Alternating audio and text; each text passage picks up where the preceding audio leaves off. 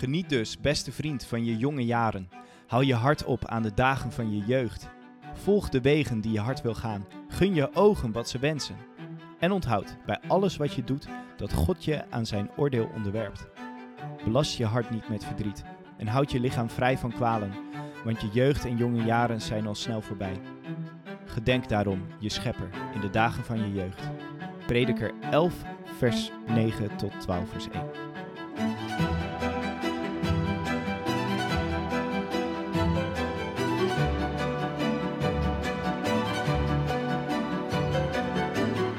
Zusters, broeders, heidenen en alles daartussenin. Van harte welkom bij de zesde aflevering Vrome Praatjes. Een podcast voor zoekende christenen en onchristelijke zoekers. Deze week duiken wij in het christelijke studentenleven. De tijd van studiekeuzes, ploeteren, studievertraging, zelfontplooiing, wat biertjes, wat borreltjes, wat avontuurtjes en ga zo maar door. We prikken de verleidelijke christenbubbel door, praten als twee hypocrieten over hypocrisie en drinken een goudgele rakker. Dit waren, zijn en worden Vrome Praatjes.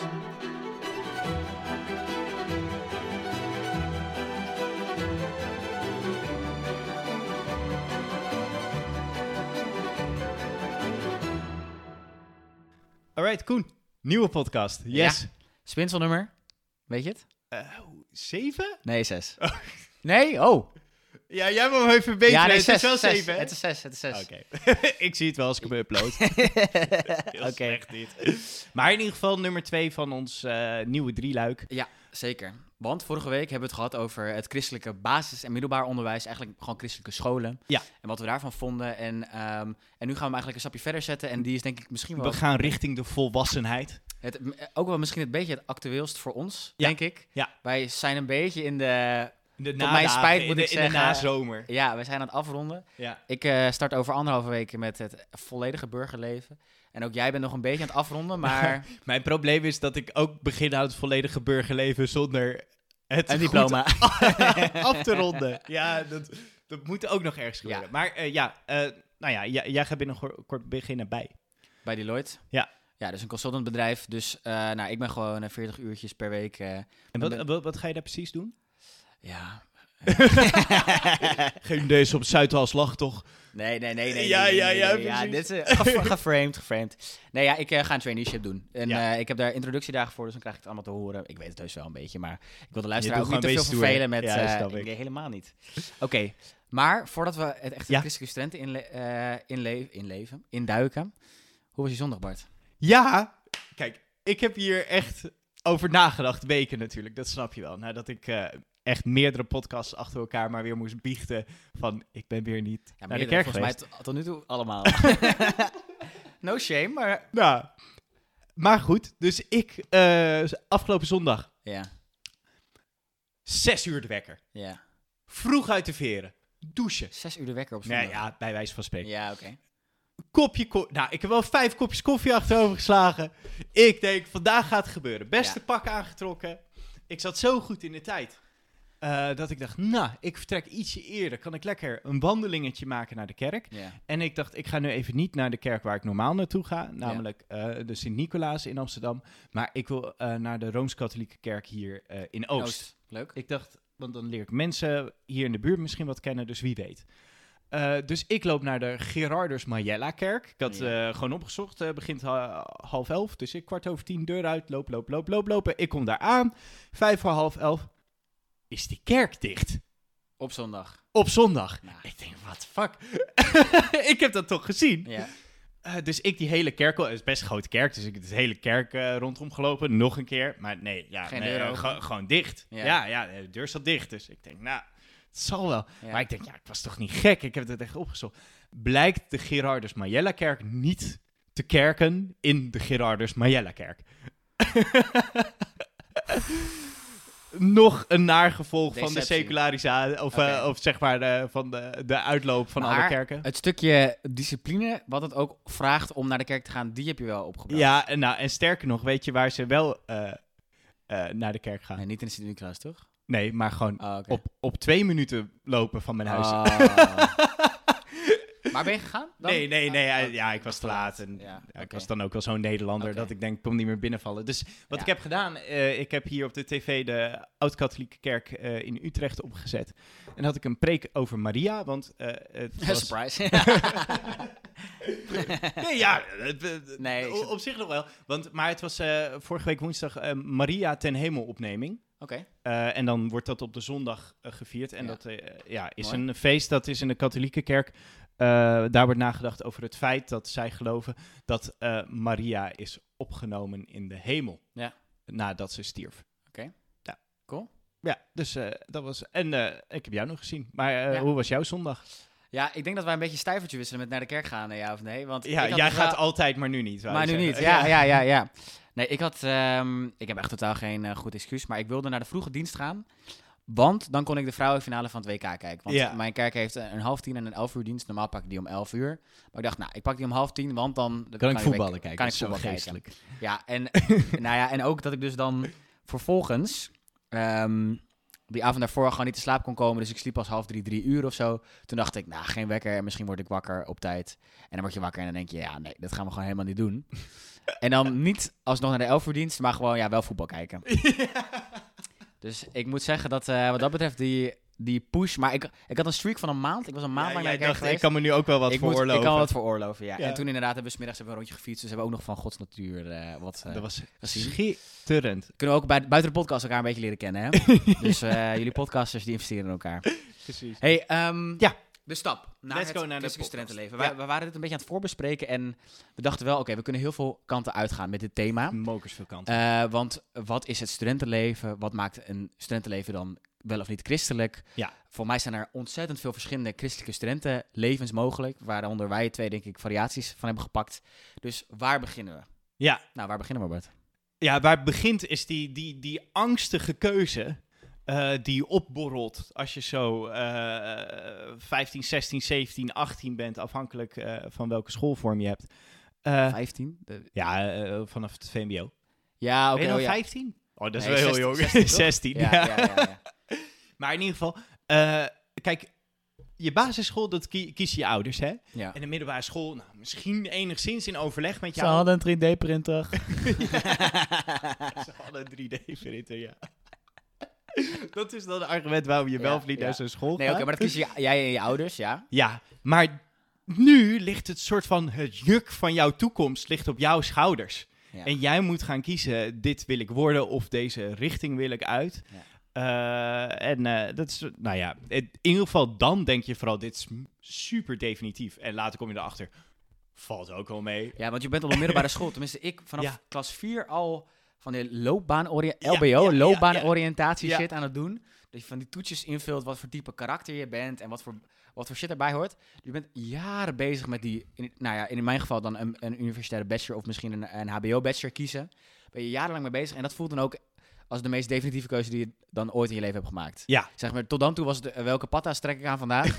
ik had vaak maar één Het le- paar, dus was het, het leven was zo simpel daarvoor. Ja. Gewoon, ga ik wel of niet chillen met die of die? Of, Ja. of vi- vindt zij mij wel leuk? Nou, Ja. dat waren de problemen. En nu moet je opeens. eh Dan gaat het om het zwaar, zwaardere dingen, om Ja. welke toekomst. te- En nou, voor heel veel mensen wordt de, de, de, de keuze voor opleiding eh, ook nog wel een paar keer herhaald. Dat je daar toch achter komt. Eh, eh. ja, dat. Heb jij eigenlijk, heb jij, bij, jij met televisie gaan doen? Ben je dat in één keer gaan doen? Of heb je ook nog iets anders geprobeerd? Nee, nou, ik, ik, ik heb überhaupt niet getwijfeld eh, op, op een bepaalde manier. Ik dacht wel van, nou ja, misschien vind ik politicologie wel leuk. Oh ja. Maar ik had één missie vanaf klas 4. Ik word zendeling. Dus ah, ik hoef niet op een school te kijken. de 15, 16-jarige Bart Ik ga eh, naar een bijbelschool in eh, Amerika of weet ik het veel wat. eh, waar, waar ze dat hebben. Ja, daar hebben ze natuurlijk Jezus nodig in.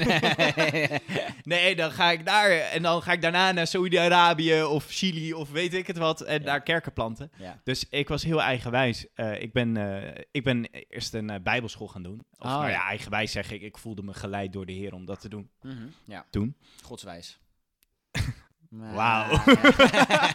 nou, ik- soms zeg ik dingen en dan... eh, Klinkt minder lekker dan ik dacht. Oké. Ja, ik vond het best origineel. Ehm, m- maar dus dat. En toen heb ik eh, één jaar een bijbelschool gedaan. Ja. Eh, dus dat is privéonderwijs in een kleine setting. Elke week over bijbeldingen en Ja. persoonlijke vorming. En een beetje zoals EH, maar dan EH is EH, algemeen bekend, maar, maar, ja. maar zo, heel, Ja. heel veel, dat is wel goed om te noemen, heel veel christelijke eh, studenten kiezen voor een EH. Ja. Eh, Ik ken er ook heel veel hoor, die dat gedaan hebben. Om, Ja, dat als een, ook een beetje als tussenfase. Ja. De, meest, de mensen die ik ken die dat gedaan hebben, deden het wel, zeg maar, ook o- qua geestelijke ontwikkeling. Maar dat was vaak ook een beetje gepromoot door de ouders. Maar ook gewoon, ja, ik heb nog geen keuze kunnen maken. Of ik ben nog niet echt volwassen, volwassen genoeg ready voor echt studeren. Ja, voilà. Ja. En, en ik had dus na mijn bijbelschooljaar, toen dacht ik, oké, toen, toen, eh, toen ging ik een stage lopen en ook een soort van, oké, dan word ik zendeling. Dus ik ben toen verhuisd naar Zuid-Limburg, in Heerlen gaan wonen, om daar een jaar stage te lopen bij een Ah, dus predikant. daarom dat katholieken van jou eh, is nou, daar zeker niet. Ik kwam daar om katholiek te bekeren, want dat zijn natuurlijk geen echte christenen, dacht ik. Ze hebben Maarten Luther nog nooit ge- gelezen. Ehm, en, eh, toen, eh, maar toen in dat jaar heb ik eh, veel over mezelf geleerd en kwam ik erachter, nou, misschien is het goed om ook nog wat meer pastorale kwaliteiten toe te eigenen. En ook nog wat meer te leren over het, het christelijk geloof. Even wat theologische fundering. En toen, toen dacht ik, ik ga theologie studeren. Toen ben ik naar Amerika gereisd. Hele reis gemaakt, want ik dacht, ik ga daar studeren. En toen was ik daar en toen dacht ik, oh, maar hi- hier hebben ze geen mensen nodig. En toen dacht ik, nou, dan ga ik gewoon naar oh, Nederland. dat vind ik best wel volwassen van je. Ja, dat lang- was wel een van de verstandige Amerika in keuzes in mijn leven. Ja, Ja, oké. ja. En toen is het theologie geworden in, Ja. Apeldoorn. in Apeldoorn. Ja, de meest bijbelgetrouwe Waar, universiteit waar- van waarom, Nederland. is het, waarom daar theologie? Ja, nou- kan, er zijn niet superveel steden waar het kan, maar best wel... Ja, je kan naar Tilburg of Kampen of Nijmegen of Groningen, eh, of Amsterdam. Eh, of dus Apeldoorn of Kampen. Eh, en ik ging voor Apeldoorn, dat is de kleinste universiteit van Nederland. Dat is ook totaal niet bekend. Ook mensen in Apeldoorn, als je zegt ik studeer hier aan de Unie, dan kijk ik zeggen, hebben wij een universiteit? Ja. Er studeren 100 studenten. Hele, hele lieve mensen. Ik heb daar heel eh, fijn dat beleefd altijd. Ja. Eh, maar het is gewoon wel de meest, ik zou zeggen, conservatieve. Qua, qua hoe ze in, in, in hun christelijke overtuiging staan. Ja. wel het meest, vergeleken met alle andere universiteiten, van eh, de Bijbel is eh, gezag voor ware kennis. Oké. Eh, ja, ik denk dat ik dat zo wel ongeveer. Het, het is confessioneel. Dus het, het, wat hun onderscheidt van andere universiteiten is dat ze een geloofsbelijdenis hebben. Ja. Die ze eigenlijk voor waar achten. En vanuit dat framework kijken ze naar de wereld. Ja. En op zich is dat. Vanuit daar bedrijven Daar zijn ze heel transparant over, heel eerlijk over. Dat eh, verantwoorden ze ook in alle academische stukken die ze schrijven. Van goh, eh, hier en hierom eh, staan wij bij dit framework. Het, het is een soort paradigma, hè, om, Ja. om Koen er maar bij te halen. Dus dat ben ik gaan doen. Cool. En ik zit nu in mijn vijfde jaar van mijn driejarige bachelor. En alive and kicking nog steeds. eh, ik, Ja. ik probeer het af te ronden. Ik ben, ik, ik ben in de buurt van het eh, klaar ermee Ja, wat is de prognose? Hoeveel weken? Maanden? Nou, ik moet zeggen twee weken, maar dat ga ik dus niet redden. Dus ik, ik hoop wel in eh, twee, drie maanden klaar te zijn. Oké. Ja. Oké. Gaan we je aanhouden. Nee, alsjeblieft niet. maar hoe, hoe, wat heb jij Ja, gedaan? mij, wat, wat, wat ehm, dacht eh 16, 17, Nou ja, 18-jarige Koen? Om een of andere reden heb ik gewoon een- in één keer een schot in de roos gehad. In dat ik op de middelbare school eh, in, naar de vierde klas toe moet je een profiel kiezen. Ja. En eh, ik vond gewoon toen echt nog alles leuk. Behalve biologie. Ik vraag me niet waarom. Maar dat vond ik niet leuk. Maar voor, voor de rest vond ik alles leuk. Dus dat was heel moeilijk van oké, welk profiel ga je dan toeleggen? Nou, dat werd, eh, om een lang van kort te maken, dat werd NNT. Want dan hield ik de meeste studieopties open. Ja, ik deed geen biologie, dus geneeskunde niet. Maar dat, daar had je wel andere mensen voor. En toen kwam ik er heel snel achter. In de vierde klas had ik denk ik gewoon een leraar economie die ik ontzettend leuk vond. En toen kwam ik erachter, ja, economie is een perfecte, eigenlijk gamma vak. Ik was niet echt een alfa, ik was niet echt een beta.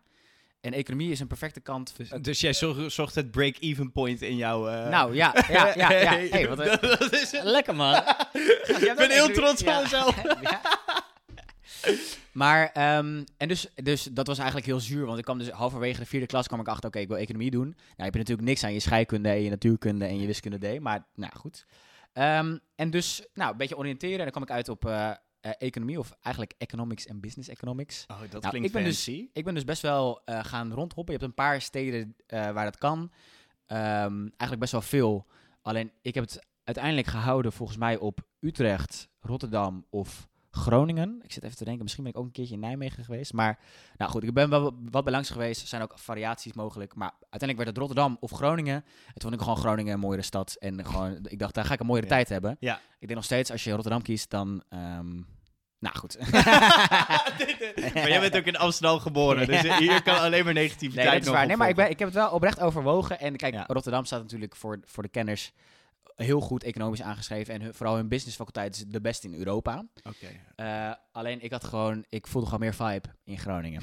Zit ook tussen mijn oren, dat En in Groningen eh, ben jij eh, niet alleen gaan studeren, maar volgens mij vooral ook daaromheen druk bezig gegaan. Ja, ja, in de voorbereidingen zei ik het al. Als ik Ja. moet terugblikken, denk ik dat ik 20% s- s- soort van... Als ik terugblik op wat mijn energie heeft gekost... Qua tijd is het wel genuanceerder, maar qua energie en aandacht... denk ik 20% de Rijksuniversiteit Groningen... 80% Navigator Studentenvereniging Groningen. Ja. Eh, dus ik, ik ben lid geworden bij eh, NSG, dat is dus de, de navigatorsafdeling van Groningen. Navigators is ei- eigenlijk een wereldwijde evangelisatiebeweging. Maar in Nederland, eh, in volgens mij 14 steden, hebben ze een studentenvereniging. Met een beetje hun evangelische opvatting van het geloof. Maar uiteindelijk is het best wel een brede mengelmoes aan eh, eh, mensen die christen zijn. Ik kies heel veel christelijke studenten voor om bij Ja. navigators te Nou, gaan. bij mij was ook de afweging. Mijn ouders waren lid geweest van een christelijke studentenvereniging. Niet Ja. de navigators, maar een andere. Maar ehm, ik had het idee dat de navigators was gewoon groter. Was bijna 500 man. En dat trok me wel. Dan kon ik een beetje mijn eigen mensen uitkiezen. Ook best wel persoonlijk eh, of egoïstisch gekozen. Ik ja. wil gewoon een grote club. Dan kan ik de leuke De mensen grootste uitzoeken. kans dat ik eh, vrienden tegenkom. Ook Nou wel ja. weer eh, heel rationeel, toch? Ja, maar er waren, zeg maar er waren ook christelijke verenigingen in Groningen. Die waren een kleine honderd wat, man of wat minder. heb je? Je hebt nog Ichtus, je hebt VGST, je hebt CSVR.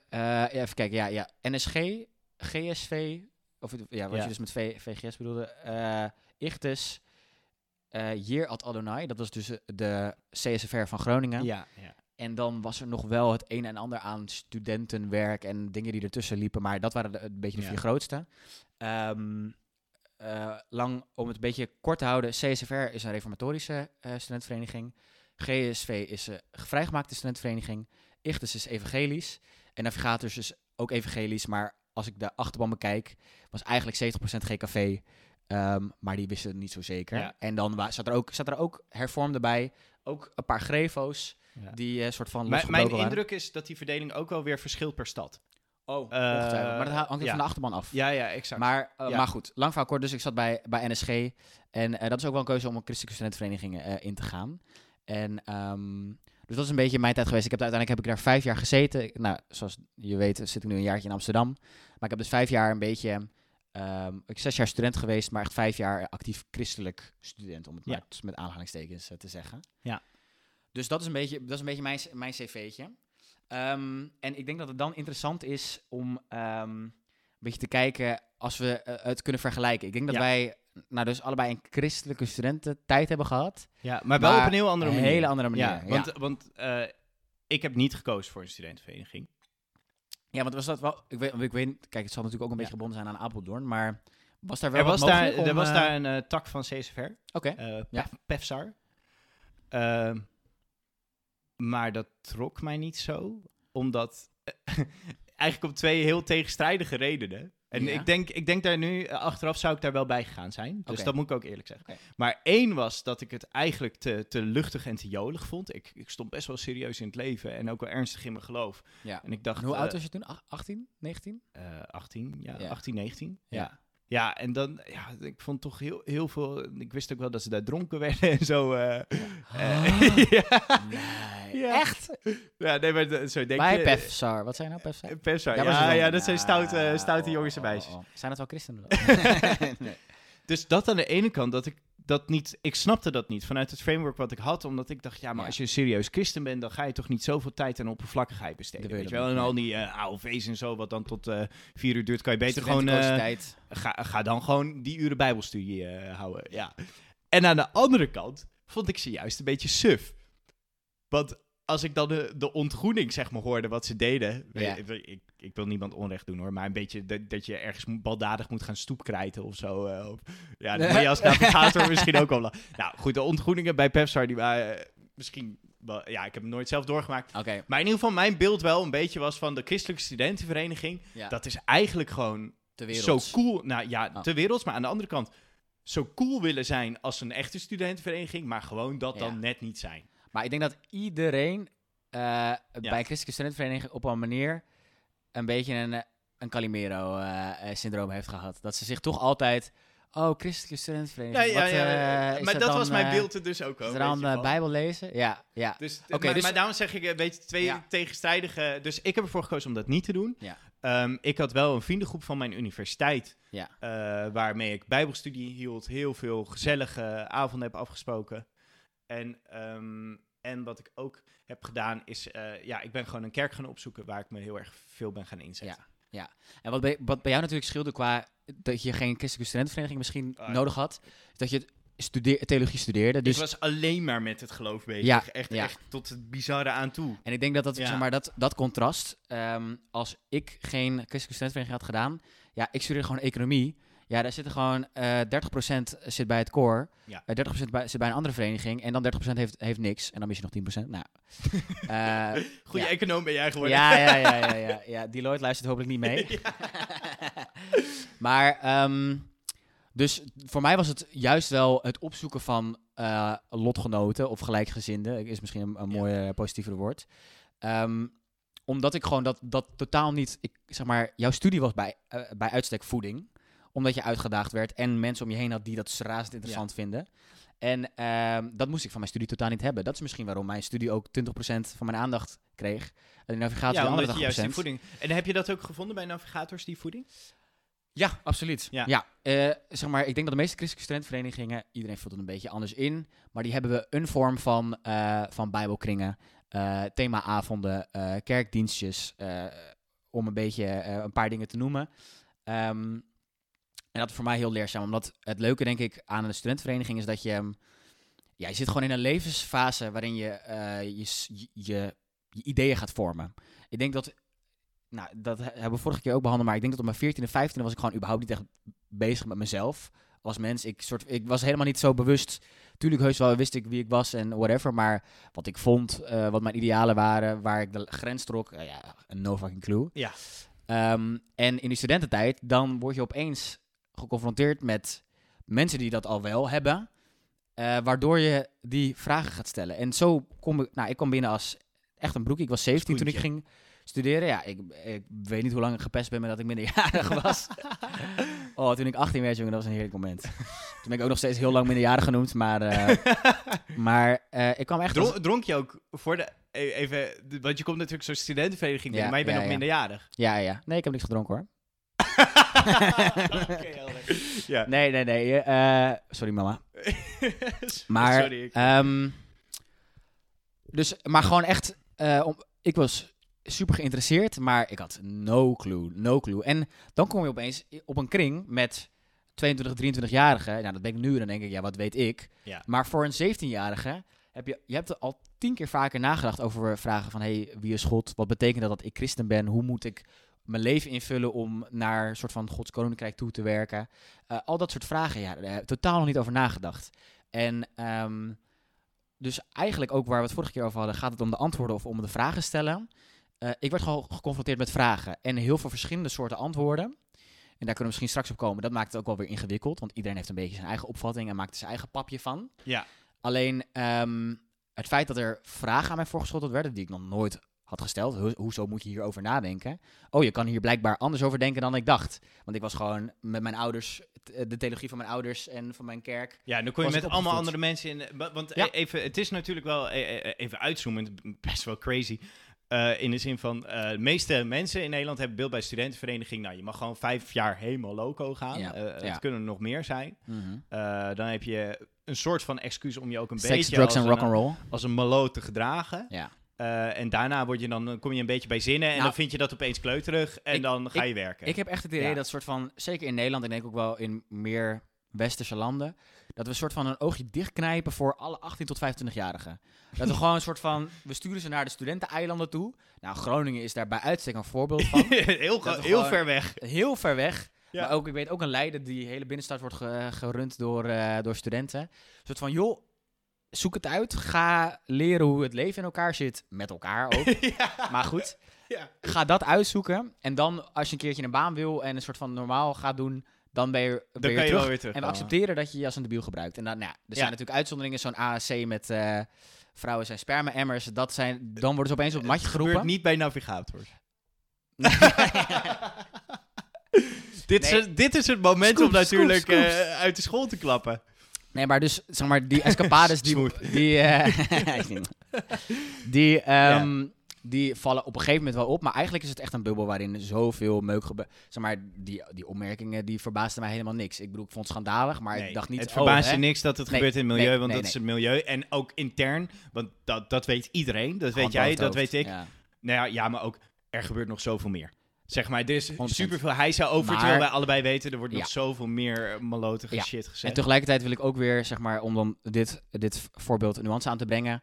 eh, zeg maar, het, het stereotype van het koor, dat wordt echt verzorgd door de gekke 5%. ja. Ik heb zoveel eh, vrienden en vriendinnen die bij dat soort verenigingen hebben gezeten, die ontzettend leuk en normaal en niet crazy zijn. En misschien hebben die net even wat andere ethiek dan ik, maar die zullen heus niet dat soort fratsen Heel uithalen. mooi politiek woord. Maar Dus, ja, nee, ik, ehm, ik Dus eh, Ja. dat is ook weer te kort door de bocht. Maar uiteindelijk, ja, eh, het mob-effect. je- Als één iemand wat geks doet en je hebt een paar pils op, dan ga je mee. ja. Ehm, en ehm, ja, dus zeg maar, ik had het over dat, dat vormende van navigatie. En toen zei hij, oké, maar het beeld van een studentvereniging is misschien anders. Ik wil niet pretenderen dat wij alleen de Bijbel aan het lezen waren en daarbij een frisditje dronken. Het, eh, het soort van leus van de navigators. Maar die kunnen alle andere verenigingen ook gebruiken, is eh, bier en Bijbel. Ja. En ehm, het leuke, denk ik, aan, eh, en dat, dat is echt mijn positieve ervaring aan mijn studententijd, is dat het ontzettend leuk was om dat, met, dat alles met elkaar te delen. Omdat ik denk dat het ehm, een soort van je kop in het zand steken is als je denkt dat er heel veel studenten zijn die gewoon alleen maar Bijbel willen lezen en, eh, en om elf uur naar bed gaan, zeg maar. Ik denk dat het juist ontzettend vet is dat je die gekke avonden dat je om vier uur eh, een eh, kapsel in je bek aan het douwen bent. Ehm, en dat je dan de volgende dag wel ook weer s'avonds een bijbelkring kan hebben. En dat die balans het juist super En, aantrekkelijk en, maakt voor en ook wel het unieke aan het christelijke studentenvereniging is dus toch dat verlangen om, nou even dat studenticoos of zo, om Ja. maar zo te noemen, te combineren met het geestelijke en Ja. het spirituele. Ja. Eh, wat soms ook denk ik wel een beetje tot gekke combinaties eh, kan leiden. klopt. Maar ik denk dat we daar later op kunnen komen. Ja. Wat ik nu interessant vind en wat ook een beetje ehm, om een eh, abrupt bruggetje te slaan. Ik weet niet of een bruggetje We kunnen er later op komen, maar nu een abrupt bruggetje. Eh, dit is moeilijk hoor, Koen. Ja. Nu moet je wel redden. Nou ja, zeg maar, een van de redenen Ja. dat we, dat we eh, deze aflevering, maar ook zeker eigenlijk ook wel dit drieluik aan Ja. was eigenlijk een artikel dat in het Nederlands Dagblad was gekomen. Yes. ehm, van een soort, eigenlijk een soort oproep van eh, een dominee, Dirk de Bree, die in eh, Utrecht in een kerk zit met best wel veel eh, studenten en, en net afgestudeerden. En die deed eigenlijk een oproep. ehm, en voor mij de titel, ik kan er wel even bij pakken, was best wel catchy. Die luidde namelijk: ehm, Christelijke studentenverenigingen kunnen bijdragen aan secularisatie. Nou, dat klinkt. Wat, wat, wat, wat voelde jij, wat dacht jij toen je dat leest? Ik dacht, Las? amen. ik dacht, ik dacht oprecht wel een klein beetje amen. Oké, oké. Nou ja, dat, zeg maar, dat, misschien was dat mijn tweede reactie. Mijn eerste reactie was... Wat, wat staat er nou? Toen zette je je bril op en ja, toen... nee, ja, ja, nee, toen ging ik gewoon wel normaal nadenken. Maar, Maar toen ehm, dacht je, oké, ja, ik ben het hier wel mee eens of zo, toen je het las. Ja, ja nee, maar hij, eigenlijk breekt hij een beetje een lans voor, ehm, he- eh, voor naar de kerk gaan in je studententijd. Want, ehm, nou, wat ik zei, zeg maar, die, die studentenvereniging was ontzettend vormend eh, voor mij. En ik heb heel veel vragen leren stellen. Alleen, ehm, wat hij eigenlijk zegt, is dat studentenverenigingen een kerk worden voor eh, studenten. Je hebt een beetje dat communitygevoel. Je bent met voeding bezig. Je, bent, je richt je eh, met regelmaat tot God. Dat is je kerk. Ja. En in heel veel definities van wat een kerk is, is dat het ook. Ja. Alleen, je vergeet af en toe dat het studentenleven, nou wat we net zeiden, 18 tot 25-jarigen, zoek het lekker uit en kom dan maar weer terug. Binnen de religie, eh, re- religiewetenschappen zouden jullie als je, a- absoluut als religieuze groep behandeld worden. 100%. Ja. Echt 100%. Alleen eh, de omslag dan weer naar de kerk toe, die is ingewikkeld. Eh, de, de, de subtitel van, van het artikel is ook: Ja. Ga je niet naar de kerk? 90% kans dat je over vijf jaar niet meer gelooft. Dominee de Dirk de Bree wint er geen doekjes om. Wil je geloven, sluit je dan tijdens je studententijd aan bij een kerk. Ja. En heb jij, jij, heb- jij, jij hebt dat niet gedaan? Ik heb dat niet gedaan. Nee. Ik ben eh, zo'n schaapje dat bij de navigator zat en dacht... Ik heb 100% het wel eens gezegd... Ja, nee, op dit moment is de navigator mijn kerk. Eh, als een oom of tante of opa en eh, oma ik of heb zo... dat ook vaak gehoord van mensen die bij een studentenvereniging zitten. En- Niet alleen navigators Ja, trouwens. Hè, ook En ik ben nu natuurlijk... Kijk, nu ben ik misschien een beetje zo'n zure gast die een jaartje er niet meer bij zit... en dan eh, de kritiek gaat uiten. Dat vind ik ook te goedkoop. Ja. Want op heel veel vlakken vulde het ook, vervulde het ook mijn behoeftes. Nu kijk ik er wat kritischer naar en denk ik, oh ja, ik vervulde mijn behoeftes. En ehm, ik denk dat die kritiek een beetje tweeledig is. En het eerste vind ik wel interessant, omdat dat ook iets is wat jij hebt meegemaakt op een andere vorm, namelijk dat het heel erg bubbelvorming is. Ja. Ik weet niet hoe het jou, voor jou was, maar jij zat natuurlijk in een theologisch-christelijke bubbel. Ja. Uh, Hoe heb jij dat ervaren? Want je, heb je Nou, misschien... wat ik soms eh, wat ik eigenaardig heb gevonden. Kijk, ik zat in een theologische bubbel. Dus eh, in mijn studentengemeenschap werd ook heel veel over geestelijk eh, leven gepraat en Ja. over theologie. Ja. Eh, maar ook in een academische setting. Ehm, en ik ging naar een kerk. Dus dat was echt, eh, voelde voor mij heel Ja, erg als... als A- had je in ja, Apeldoorn? ik echt ging naar een- Apeldoorn naar een, een, een Pinkstergemeente. Een hele, hele gemoedelijke, een beetje oldschool Pinkstergemeente. Ik Ja. heb daar echt een hele leuke, aangename tijd gehad. Juist ook heel veel, gewoon, gewoon heel veel normale mensen die daar naartoe gingen. Ja. Eh, Wat whatever een normaal mens eh, Mhm. maybe. Ehm, en eh, klein ook, veer- 40 man of zo max. Oh, wauw, oké. Ja. Dat zijn echt drie families bij elkaar. ja, als- Trevo's zijn wel, maar... dat is het één familie. Ehm, eh, en, en, en dus echt met, toch wel met mijn poot in de, in, in de klei, om maar zo te Ja, zeggen. ja. Ehm, En waarom koos je ervoor om bij een kerk te zitten? Was dat vanuit wat je vond het normaal? Of nee, omdat ik wel echt de overtuiging had van dat is goed. Ik, ik Ja? denk dat het goed is om je als christen eh, te bevinden in een gemeenschap van anderen. Je geloven doe je niet alleen. Geloven Ja. kan je niet alleen. Ja. Eh, sterker nog, eh, geloven kan ook prima zonder mij. Maar ik kan me best voorstellen dat je zegt, joh, ik zit met 100 man op school, nou misschien 20 man in je klas. Eh, daar heb ik ook best wel mijn community. En na, na Ja. de college gaan we een keertje drinken, gaan we doorpraten. Het punt bij een theologieopleiding, dat zijn dan weer de gevaren van de theologieopleiding, is Ja. dat je vooral alleen maar heel rationeel over theologie aan het praten bent. Ja, en een dat beetje je op academisch, niveau eh, kom je niet per se tot me. Ik had wel echt mijn theologievrienden met wie ik bijbelstudies had en super close ben geworden. Ja, Eh, maar dat, dat, dat was een keus van mezelf. ja. Maar ik wilde ook heel graag met mensen omgaan die geen theologie studeerden.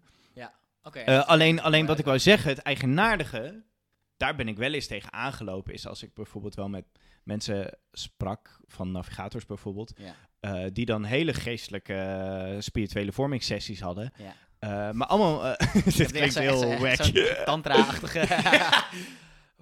Maar allemaal met elkaar. En er komt geen theoloog bij de. Bij, ja, er wordt wel eens een boekje bij gehaald. Maar dat is ook toch een beetje op het. Van eh wie of Klein beetje cherrypicking misschien. Eh, cher- nou, dat, cherrypicking. Ja. Eh, en ik wil hier heel zorgvuldig mee zijn hoor, want het eh, gebeurt in elke kerk ook natuurlijk wel.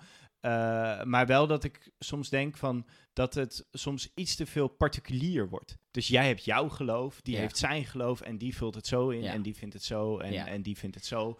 En, eh, dan ga je en dan ga je samen op zoek naar de waarheid of zo. Dus dan Mhm. ga je in de Bijbel en dan slingert die er een Bijbeltekst tegenaan en die slingert een Bijbeltekst tegenaan. Te- terwijl, even nu puur vanuit het dead end van een eh, the- theoloog pratend, die kan geen Hebreeuws, die kan geen Grieks. Ja. Eh, die heeft geen verstand van kerkgeschiedenis. Die weet niet het verschil tussen Luther en Calvijn. En ik snap nu gelijk, want ik weet de hele evangelische reflex is gelijk. Ja, maar dat heb je ook helemaal niet nodig om echt te geloven. Ja. Terwijl, ehm, helemaal eens. Maar ik wel denk dat ehm, als jij ehm, hartfalen hebt. Ja.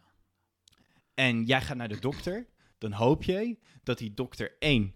eh, wat hartpatiënten eerder heeft gehad. Twee, weet hoe, het, eh, hoe, hoe een lichaam in elkaar zit. Hoe verschillende lichamen eruit zien. Hoe verschillende eh, wetenschappers hebben geschreven over hoe je bepaalde eh, behandelingen kan eh, voorschrijven. eh, hoe, hoe je het kan onderscheiden. En ik geloof ook dat het zo zit met theologie. Ja. Dat je gewoon een betere theoloog wordt. Ja. Als jij je instrumenten goed kan bedienen. Dus je spreekt de talen goed. En ik ben daar niet eens goed. Zeg maar, want dat is het punt. Ik zeg niet, oh, dus je moet maar iemand zoals ik uitnodigen. Nee, ik zeg dit juist omdat ik mensen, omdat ik heb geleerd, ik heb theologie gestudeerd en I still don't know shit. Ja, en ik denk dat daar, Ja. precies als ik dan, zeg maar, ik, eh, nogmaals, ik praat heel erg vanuit de navigatiebril en er zullen andere verenigingen er echt beter in zijn.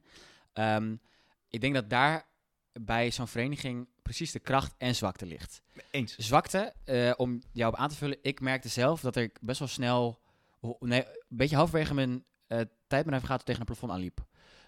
In de zin van, in de eerste jaren, je leert zoveel, want je hebt allemaal vragen die je nog nooit hebt gehad. En je leert ook verschillende perspectieven kennen, dus dat, dat echt wel. Maar op een gegeven moment zijn er niet echt schouders meer om op te staan. Want op een gegeven moment ben jij die derde, vierdejaars, Ja. waar de jongerejaars weer naar gaan kijken. En dan natuurlijk zijn er wel plekken waar je inspiratie uit vandaan kan halen. En eh, ik bedoel, tuurlijk kan je bij de christelijke boekhandel eh, alles van Tim Keller gaan lezen. en daar word je heus wel wat wijzer van. Ja, of C.S. Maar- Lewis, een beetje Keller of Lewis, is Ja. volgens mij wel een beetje navigators ja, absoluut. Ja. 100%. Ja, ja, ja. Ja. Dat was echt, dat zijn Jezus, Ke- Keller en Lewis. de drie eenheid. Ja, ja, ja. Oké. Ehm, die tour. Ja. Maar, ehm, en, en dan, dan zeg maar, tuurlijk waren er mensen die wat, wat meer eh, ingelezen waren of wat ha- hadden ervaren. Maar eh, ik merkte dat zelf dat op een gegeven moment er mensen naar mij gingen kijken. Van, joh, hoe zit dit? En dan kon ik wel die vragen beantwoorden die ik ook had in mijn eerste en tweede jaar. Maar daar stopt het. En dieper kwam ik niet echt. Ja. Dus dat is dan de, de zwakte. Eh, de kracht is ehm, gewoon het, de relatability. Het kunnen aannemen van, eh, zeg maar, er kan een theoloog, we hebben genoeg themaavonden gehad dat een theoloog eh, kwam eh, spreken, of een dominee, of een denker, of wat dan ook. Wat, wat, wat, wat dan ook. En then he goes like... en ehm, dat is super fascinerend en dat kan echt binnenkomen en daar leer je wat van. Alleen puur door ehm, gewoon dezelfde shit meemaken, voor dezelfde vraagstukken te komen, omdat je zoveel op elkaar lijkt. Dat is, ik bedoel, dat is het, het zuur aan de bubbel, maar is, helpt ook heel erg, neem het zoveel graag aan. Als jij een gast hebt die jij mooi vindt, die eh, twee, drie jaar ouder is dan jou, daar Ja, waar je een leuke, trek je je aan op, waar je leuk een biertje je mee drinkt. vragen aan te stellen. Ja, je zeg ja. maar, je, je, je zit op hetzelfde level, maar Ja. toch kijk een klein beetje met respect naar die persoon op, omdat hij toch drie, vier jaar meer levenservaring heeft. En vooral die studentenleeftijd maakt dan uit. Ja. Ehm, je neemt het gewoon sneller aan. En je ziet, je begrijpt het sneller, je kan makkelijker levelen met elkaar. En dat is denk ik heel erg de kracht.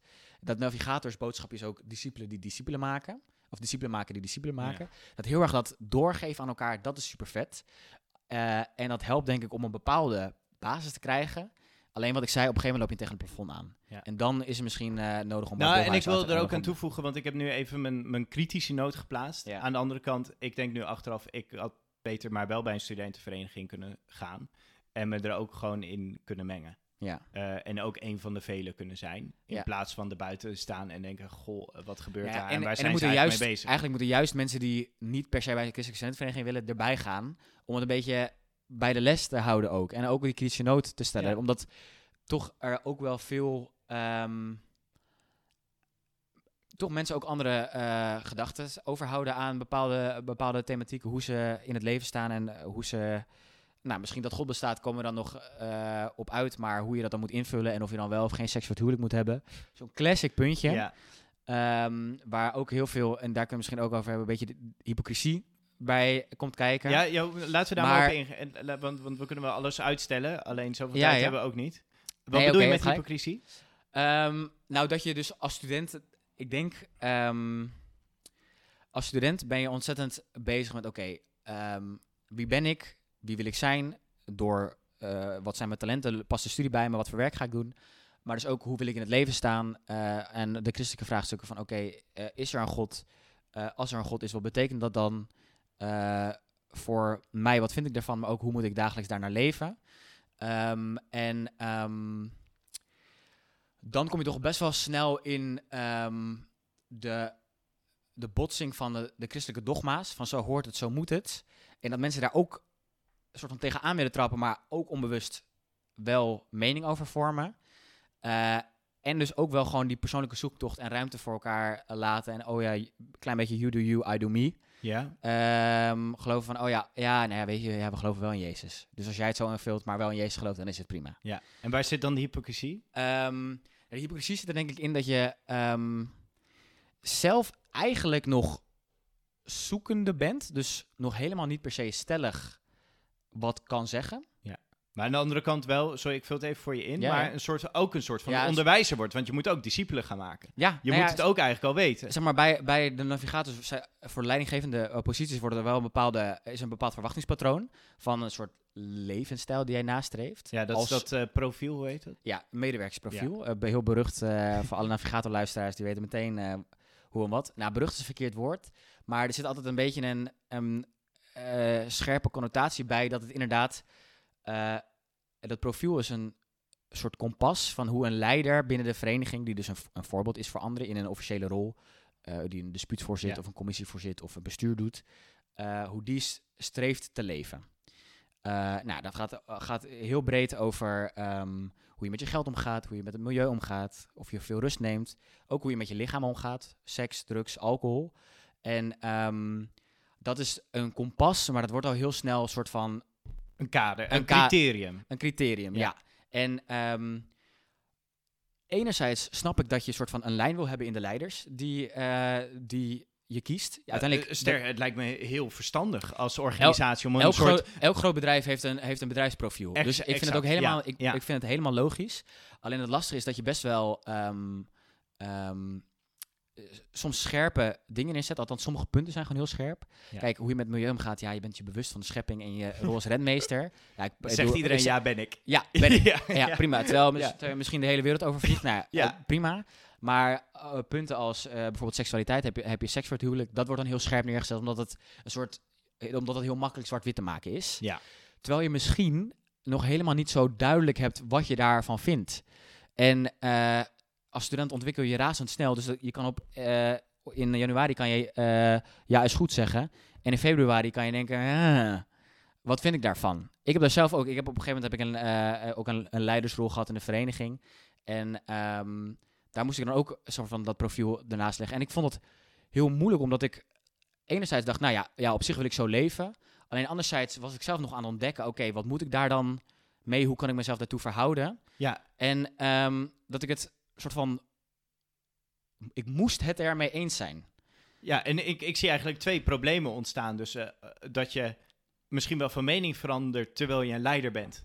En dan een soort van eh, masker op moet gaan. Eh, zeg maar, of je bent je geloofwaardigheid als leider kwijt. Daar komt de hypocrisie dan eh, om de hoek. Ja. Eh, en, en, en dan moet je een masker ophouden. Dus Ja. dan ga je dingen zeggen tegen mensen van zo, zo zitten. Terwijl, je je eigenlijk leeft. zelf je daar niet aan houdt. En Ja. Waarschijnlijk ook in zo'n vereniging op een gegeven moment mensen dat wel weten. En dan, dan wordt het helemaal ja, ingewikkeld. Ja, en is het allemaal een beetje hand boven het hoofd houden van ja, eh, ja die, eh, oh, die heeft wel seks hoor. Eh, Zeg maar, Ja, exact. dat is een beetje heel, dat- Ja. ja. dat is heel cru. Nee, ik, ik Maar en, dat en, en, en en, het tweede is dat mensen die misschien wel heel serieus in het leven staan, maar net andere keuzes maken Ja. op die gebieden, geen leiderschapsfunctie kunnen hebben. Ja. Terwijl mensen die er nog nooit echt over nagedacht hebben, maar gewoon Ja. knikken, Ja. wel een leiderschapsfunctie Ja. Mhm. Ja. ja, en ik denk dus, dit is misschien wel heel erg een navigator-specifieke discussie, dus dat hoeft voor mij ook niet al te lang. Maar Ja. ik denk dat het wel heel goed het, de wrijving laat zien dat je in een periode bent waarin je een soort van nou, een bijbel hebt waaruit ja, dogmatiek, maar ook gewoon mensen die goed hebben nagedacht, bepaalde levenswijzes uitvolgen, eh, waar je naar wil streven. En tegelijkertijd ben je zelf ook nog in het proces van, geloof ik überhaupt, wie is God, wat is Jezus, wat is Jezus, wie is Jezus? Ja. Eh, en dus je, je komt op een gegeven moment op het botspunt van, ja, enerzijds wordt er een hele volwassen houding van je verwacht. En is het van, oh ja, je bent een christelijke vereniging, dan moet je wel op een bepaalde manier leven. En tegelijkertijd ben je zelf nog heel erg aan het zoeken. En daar zit, zit zo'n spectrum aan van mensen die al helemaal het hebben uitgevonden, die misschien later juist weer zo gaan. Ik denk Ja. dat geloof ook niet een eh, soort Nee. eh, stijgende lijn is en dan strak. Ehm, en mensen die nog heel erg aan het zoeken zijn van, geloof ik überhaupt eh, in God en wat betekent dat dan? Ja, en, en, en laten we maar gelijk weer terugtrekken even naar dat artikel van Dirk de Ja. Bree. Ja. Eh, en ook breder, want dit speelt niet alleen bij navigators, denk ik gewoon überhaupt in het... We hebben het wel even over het verenigingsleven dan. Ja. Eh, dat je gewoon samen op zoek bent. Je hebt bepaalde standaarden waar je aan moet voldoen. Maar iedereen is ook allemaal aan het nadenken en aan het twijfelen aan zijn geloof. En dat is allemaal heel gezond. ja. En tegelijkertijd... En het is superleuk trouwens. Dat maakt het echt... Daar maakt E- de exact, maar, maar tegelijkertijd hangt er ook nog een soort paniek omheen. Als iemand gaat twijfelen aan zijn geloof en dan wel binnen een christelijke studentenvereniging zit. boot houden, ja. Eh, ja, zeg maar, de hele dynamieken die eigenlijk ook heel erg veel spelen in de kerk. Ja. En dat is dan even de humor, zeg Ja, maar. ja. Dat die twee werelden heel erg apart van elkaar opereren. Ja. Heb, eh, is mijn idee. Misschien wel minder bij reformatorische studentenverenigingen. Eh, Waarom zeg je dat? nou, omdat die gewoon nog meer naar de kerk gaan. Ja, ja. Dus die, die bevinden zichzelf meer in de kerk. Ja. Want dat is natuurlijk ook het punt van eh, Dirk de Bree, denk ik, is van joh, het is heel gezond om ook gewoon binnen die kerkgemeenschap te functioneren. Want daar Ja. kan je ook wijsheid opdoen Ja. over deze punten. Ja, en wat ook een van zijn kritiekpunten was, Ja. is waar we ook een beetje naartoe werkten, is je bent heel erg bezig met eh, wie is God, wat betekent God voor mij, wat is zijn plan met mij. Eh, en eh, zeg maar, om een citaatje van hem aan te halen, ook in dat artikel. ehm, op een gegeven moment zegt hij ook, wees nou niet zo bezig met je eigen geloof, omdat je altijd twijfels blijft krijgen. Eh, het is nooit goed genoeg en daarmee wordt het geloof ook nooit goed genoeg. Ja. Ik denk ehm, zeker, en dat is dan een beetje voor theoretisch gescholden, ik wil niet eh, praktisch gescholden tekort doen, maar ik denk zeker bij de academische ben je heel erg de hele tijd waarom en hoe eh, dat soort vragen aan het stellen. Ja, en wat En- geloof ik nou? Wat vind ik Ja, nou? Eh, wie ben ik? Jezelf, Eh, ja. jezelf verhouden tot, eh, tot het geloof en eh, heel erg vragen aan het stellen en... ehm, hij zegt gewoon, joh, op een gegeven moment cirkel je alleen maar om jezelf heen. Wat vind ik, wat moet ik? En, en als ik twijfel, dan gaat het geloof wankelen. Terwijl hij zegt, ja, misschien moet je gewoon ook je handen uit de mouw steken, gewoon vrijwilligerswerk gaan doen. Kom je andere mensen tegen. eh, en juist in die ontmoetingen kan je ook ontzettend God tegenkomen. Ja. En eh, ik denk dat dat soort van, om dan kritisch te zijn op de Christelijke Studentenvereniging, het is een ontzettend mooie en comfortabele broedplaats om je geloof te ontwikkelen. Maar tegelijkertijd is het ook heel erg een eh, bubbel en ben je wel heel erg bezig met vragen in plaats van Gods Koninkrijk gebeurt ook als je, eh, als je een babbeltje maakt met iemand. Of even je hand uit de mouwen steekt om even eh, ergens bij het legere zaal koffie te schenken. En ik denk wel dat heel veel christelijke studenten denken, oh ja, ik ben best wel met mijn geloof bezig. Veel aan het lezen, veel gesprekken voeren. En dan vergeten, hé, hey, maar vrijwilligerswerk of, of ja, ma- bezig zijn met mensen. betrokken zijn. Ja. Als student ken je totaal je buren niet. Terwijl Nee. ik denk dat het iets super christelijks is om de- te bekommeren om je buren. Ja. Zoiets heel kleins, Ja. eh, zeg maar, dat, dat aspect raak je wel heel snel kwijt. En dan kan de kerk ook, eh, dat kan de kerk ook eh, uit het oog verliezen. Ja, maar eigenlijk kunnen beide partijen elkaar helpen. Ja. Want dat is niet... Kijk, er wordt heel erg aangestipt van... Yo, eh, eh, studenten, jullie hebben de kerk nodig. Ja. Maar, maar ik zou ook andersom willen zeggen... Studenten, de kerk heeft jullie nodig. Daar ben ik echt wel heel erg van overtuigd. Ja. Eh, dus dat eh, studenten ook mogen gaan beseffen van... hé, hey, er is ook een gat in heel veel kerken van eh 18 tot 25-jarigen. Ja. Eh, jij kan je inzetten, jij kan ook jouw vragen... De zeg maar, ouderen hebben ook behoefte aan jouw vragen. Ja. Of aan jouw enthousiasme. Als Ja. het bij hun is ingedut. Of juist als ze iets te vertellen hebben aan je. Dus misschien mag dat soort van via ons een soort ondersteuning of oproep zijn aan, aan het punt wat Dirk de Bree maakt. Van ja inderdaad, uh, als je dit luistert en je studeert, ja, of je nou bij een vereniging zit of niet, maar in ja. ieder geval uh, ga naar een kerk. Nou ja, wat ik zeg maar, de, dat hele pleidooi wat ik ook uh, aan het houden was voor hoe vet het is dat je kan leren van leeftijdsgenoten die een paar jaar ouder zijn. Moet je nagaan hoe veel je kan leren van iemand die 20 jaar ouder is. Of iemand die exact, 40 jaar ouder exact, is. Ja. Ik denk dat het heel christelijk is om uh, autoriteit te ontlenen aan wijsheid en ouderdom en ervaring. En, en kan leren van iemand die uh, een andere vorm van opleiding heeft gehad. Ja. Of in een ander, ja. andere uh, sociaal-economische uh, omgeving zit. Ja. Of zelfs hoeveel jij kan leren van kinderwerk. Ja. En van kinderen. Ja. Al en die ook, dingen. Ja. Ik denk dat we naar een conclusie toe kunnen, Bart. Yes, laten we dat doen.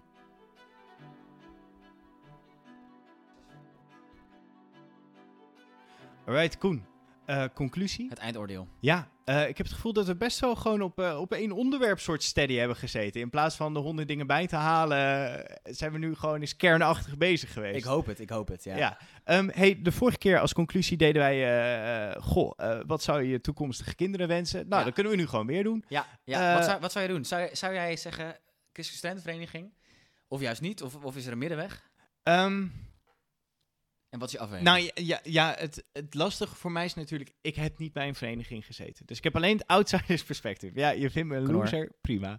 nee. Zo, heb jij ook weer even je studenticoze ballen oh, Dit is dus de reden waarom mensen niet op een vereniging gaan. Oké, okay, ga door. het, is de, het is de conclusie, Bart. We moeten geen ruzie maken in de conclusie. Um, nee. Um, ik denk wel dat ik mijn kinderen zou adviseren om naar een studentenvereniging te gaan. Uh, ten eerste omdat ik denk dat je daar veel sociale vaardigheden leert. Ja. Uh, die je daarbuiten um, misschien wel kan mislopen. Ja, maar dan kunnen ze ook naar het koor gaan. Uh, ja, nou ja, daar leer je ook bepaalde sociale vaardigheden die... ja, waarvan ik niet weet of dat nou je een mooie mens maakt. Maar, maar, maar klopt hoor. Ook, ook bij het koor uh, leer je heel veel goede dingen, denk ik. Um, en dus... Maar wat voor vereniging dat dan moet zijn, is dan... Dat zou ik het mooi vinden als dat een vereniging is waar wel ook ruimte is voor diversiteit. Uh, dus ook uh, mensen die serieus in het leven staan of, of wat minder uh, aan Ja. het... Ve- zeg maar gewoon wat mij tegenstaat bij sommige studentenverenigingen... is dat wel dat hele gedwongen naar een bepaalde levensstijl... en Ja. dat anderen triest Dus vinden. van gelijkvormigheid. Gelijkvormigheid. Ja. Terwijl juist een vereniging waar ruimte is voor pluriformiteit... en ook voor zingeving, Ja. ik dat heel belangrijk zou vinden. En ik denk dat je dan ook meer uitkomt bij sti- christelijke studentenverenigingen. Ja. Dat zingeving gedeelte zeker, ja. ja, alleen waar ik wel moeite mee heb, en daar ligt mijn angst, is dat ik vind het ook wel wat om vijf, de vijf jaar 18 tot 23 van je leven, om die alleen maar met christelijke medemensen door te brengen. Ja. Ik, ik, ik vind daar ook wel iets gevaarlijks aan zitten, omdat ik juist denk dat je gelover ook veel eh, puurder en authentieker kan worden als je juist ook als jongere ervoor kiest om ook met niet-christelijke mensen om te gaan. Ja, Eigenlijk dus- een beetje de conclusie die ik vorige week eh, had, eh, Bart. nou, dan ben ik heel benieuwd wat jij nu gaat nou ja, zeggen. ik, ik zeg maar, ik kan het wel be- beamen om daar kort op aan te haken. Ja. Dat, zeg maar, ik, heb, ik heb dat gehad. Ik heb, ik heb vijf jaar lang, 25% van de mensen waarmee ik omging, was christelijk slash student, slash christelijk student. ja. Ehm, en ehm, je wordt de hele tijd bevestigd. Mensen denken hetzelfde. Eh, je krijgt wat kritische vragen, maar niet zo heel veel. En nu ben ik een jaartje daarbuiten. En, en in dat jaar heb ik opeens het in mijn eentje moeten doen. De studententijd moet jou voorbereiden voor de wijde wereld. En de bubbel waar je in kan zitten in een studentenvereniging, en zeker een christelijke studentenvereniging, is niet de wereld. nee. En ehm, dus moet je opletten dat jouw geloof, wat je overhoudt aan een christelijke vereniging, als dat is, is wat je eraan overhoudt, ehm, niet afhankelijk is van dat je alleen maar omringd bent met dat soort mensen. Want dan is het dus staat of valt het met of mensen om jou heen geloven. Terwijl dat moet ook iets zijn wat krachtig is vanuit, je, vanuit jezelf en waar God jou, God jou toe roept. Ehm, Dus eh, als ik Ja, als ga ik- als ik, zeg maar- eh, als eh, papa Wassink was hier eh Ja. 20 jaar geleden. Nou ja, het, is wel weer een beetje zo'n unsatisfying antwoord dat de waarheid een beetje in het midden legt. Ik zeg ja, ga naar een studentenvereniging, want ik ben ontzettend dankbaar voor hoe ik gevormd ben de afgelopen jaren. Ja. Alleen, ik hoop dat het me lukt om mijn kinderen mee te geven dat, dat ze weten dat het een bubbel is. En dat het ze ook lukt om ook buiten die bubbel te blijven draaien. Dus het grappige is dat ik in mijn tijd bij eh, de navigators heel erg vaak ehm, mensen die nog een beetje thuis, eh, thuis, thuis vrienden hadden, van die boerenpummels die nog een beetje in de keten aan het zuipen waren, of bij de voetbalvereniging, dat ik dacht, ja, kom gewoon met ons chillen, dat is veel vetter, toch?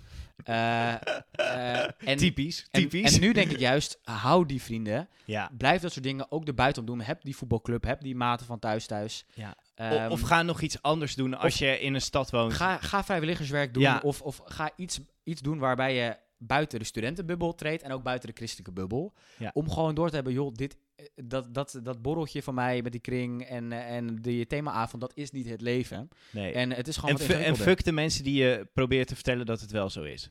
Nou ja, nou, niet- of mag nou, ik dat niet nou, zeggen? Is dat niet... eh, nou ja, fuck die mensen mag, maar dat vind ik niet zo aardig van je.